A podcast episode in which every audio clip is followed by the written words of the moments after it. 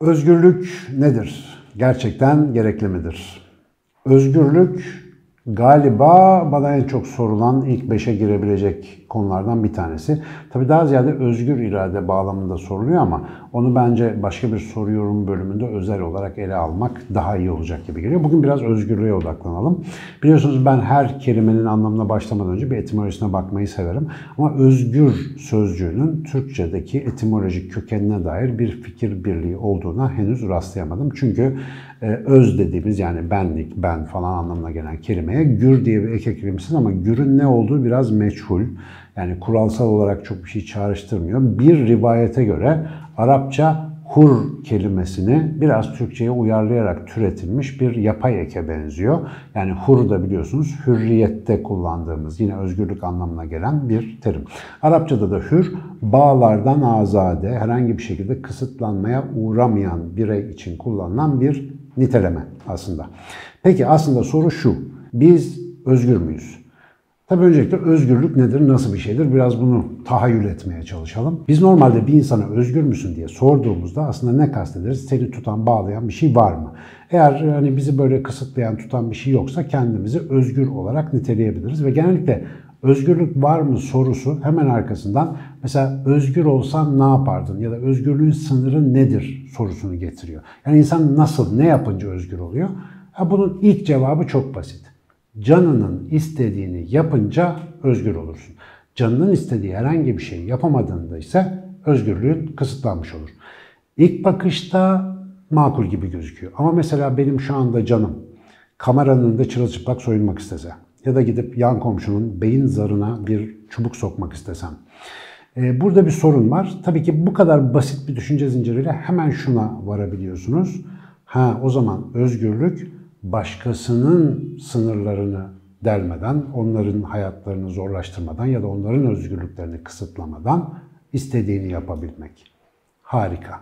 Gayet insani bir tanım bulduk gibi gözüküyor ama pek öyle değil. Eğer hayvanlar alemine, hayvan davranışlarına hatta bütün canlıların, bitkilerin falan davranışlarına bakacak olursanız aynı prensibin bil hakkın orada geçerli olduğunu görürsünüz. Bu arada bil hakkın kelimesi tam anlamıyla e, diye pek kullanmadığımız bir eski tabir. Nasıl geçerli efendim?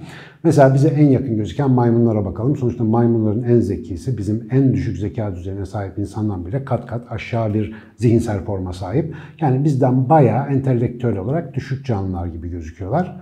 Fakat mesela bir maymun kolonisinde herhangi bir maymunun hakkını gasp etmeye kalkan, hatta bunu aklından geçirdiğine dair ufak emareler gösteren bireyler en ağır şekilde kabilenin tamamı tarafından genellikle cezalandırılıyorlar. Zira eğer böyle bir mekanizma evrimleşmemiş olsa her canlı biliyorsunuz karını maksimize etmeye çalışır. Aynı bizim yaptığımız gibi.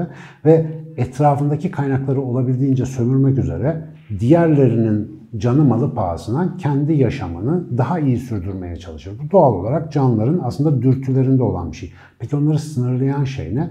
Diğerlerinin aynı şekilde hissettiği var olma hakkı. Farklı farklı bireylerin bir arada olduğu sosyal canlılarda ki bugün bildiğimiz kadarıyla aslında bitkilerin dahi birçoğu sosyal grup özelliği gösteriyorlar. Bu tip canlılarda bireylerin diğer bireyler tarafından sınırlandırılması kaçınılmaz bir gerekliliktir. Yani başkasının özgürlüğüne halel getirmeden istediğini yapabilme, üzgünüm ama hayvanlara da ait bir özgürlük tanımıdır. Peki özgürlüğün insana ait olanı var mı? İlk tanıma geri dönelim. Canımızın istediğini yapabilmek. Şimdi hayvanlar canın istediğini yapamıyorlar. Niye? Etraftan sınırlandırılıyorlar. Biz de hakeza kanun var, polis var, işte ayıp var, günah var falan filan. Bizi birileri sınırlandırıyor. Peki şöyle bir durum düşünün. Aklınıza bir şey geldi ve bu kötü bir şey ve sizi yakalayacak hiç kimse yok. Yani hiçbir şekilde aslında sınırlı değilsiniz. Onu yapabilirsiniz. Ama sadece insan ve sadece insan bazen her zaman değil böyle durumlarda yapmamayı tercih edebiliyor.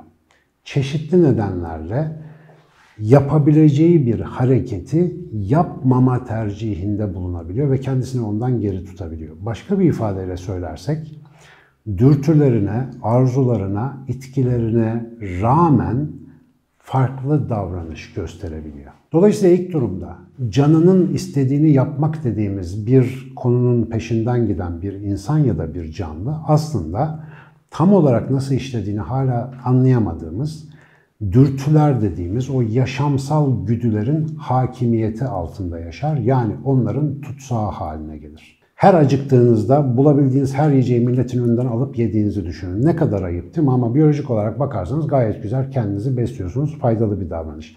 Bunu yapan birisine ne diyoruz? Ay ne kadar dürtüsel, ne kadar işte garip, deli gibi davranıyor falan filan diye. Çünkü dürtülerinden gelen emirlere dizgin vurma yeteneğini sergileyememekte ya da bu yeteneği kaybetmiş.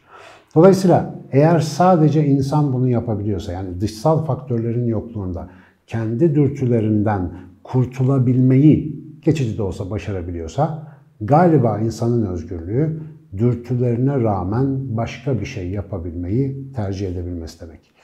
Bir örnek vereyim. Bu yanlış tanımlamalar ve yanlış özgürlük algıları bizi nasıl kandırıyor? Mesela aranızda sigara tiryakisi varsa ya da etrafınızda tanıdığınız sigara tiryakileri varsa sigara bırakmaya çok çabalamış olabilirler. Ve çoğu zaman sigara gibi basit alışkanlıkları bırakmak oldukça zordur. Çünkü hani bizi hakikaten tutsak eden bir alışkanlıktır bu tip alışkanlıklar. E, aslına bakarsanız içmeyen biri için çok basitim. Ya söndür tamam bir daha içmiyorum de bitti gitti kurtul şundan. Ve gerçekten de bu motivasyonla birçok insan son sigarasını içip söndürüyor ve diyor ki ben bir daha sigara içmeyeceğim. Fakat sonra ne oluyor biliyor musunuz? Eşle dostla arkadaşla bir yerde otururken sohbet, muhabbet, çaylar, kahveler birileri sigara yakıyor. Arkadaşımız aslında henüz yeni sigarayı bırakmış birisi olarak öbürlerinin tutsaklığına bakıp motivasyonunu çok daha fazla arttırabilecekken içinde bir yer, dürtüsel bir yer ona diyor ki herkes canının istediği anda çıkarttı ve özgürce sigaralarını yaktı. Sen burada içemiyorsun. Tutsaksın. Farkında mısın? İçinizde böyle negatif propaganda yapan bir arkadaş sürekli işlevine devam ettikçe bir gün, iki gün, üç gün, maksimum beş gün sonra ya bir tane de ben içeyim ne olacak zaten beş gün bıraktım diye veriyorsunuz ve beyindeki o bağımlılık devreleri hemen sanki siz o alışkanlığı hiç bırakmamışçasına kontrolü tekrar ele alabiliyor. Bu kandırmaca özgürlüğün canımızın istediğini yapmak olduğunu zannettiğimiz zaman bizim üzerimizde çok daha hızlı işliyor.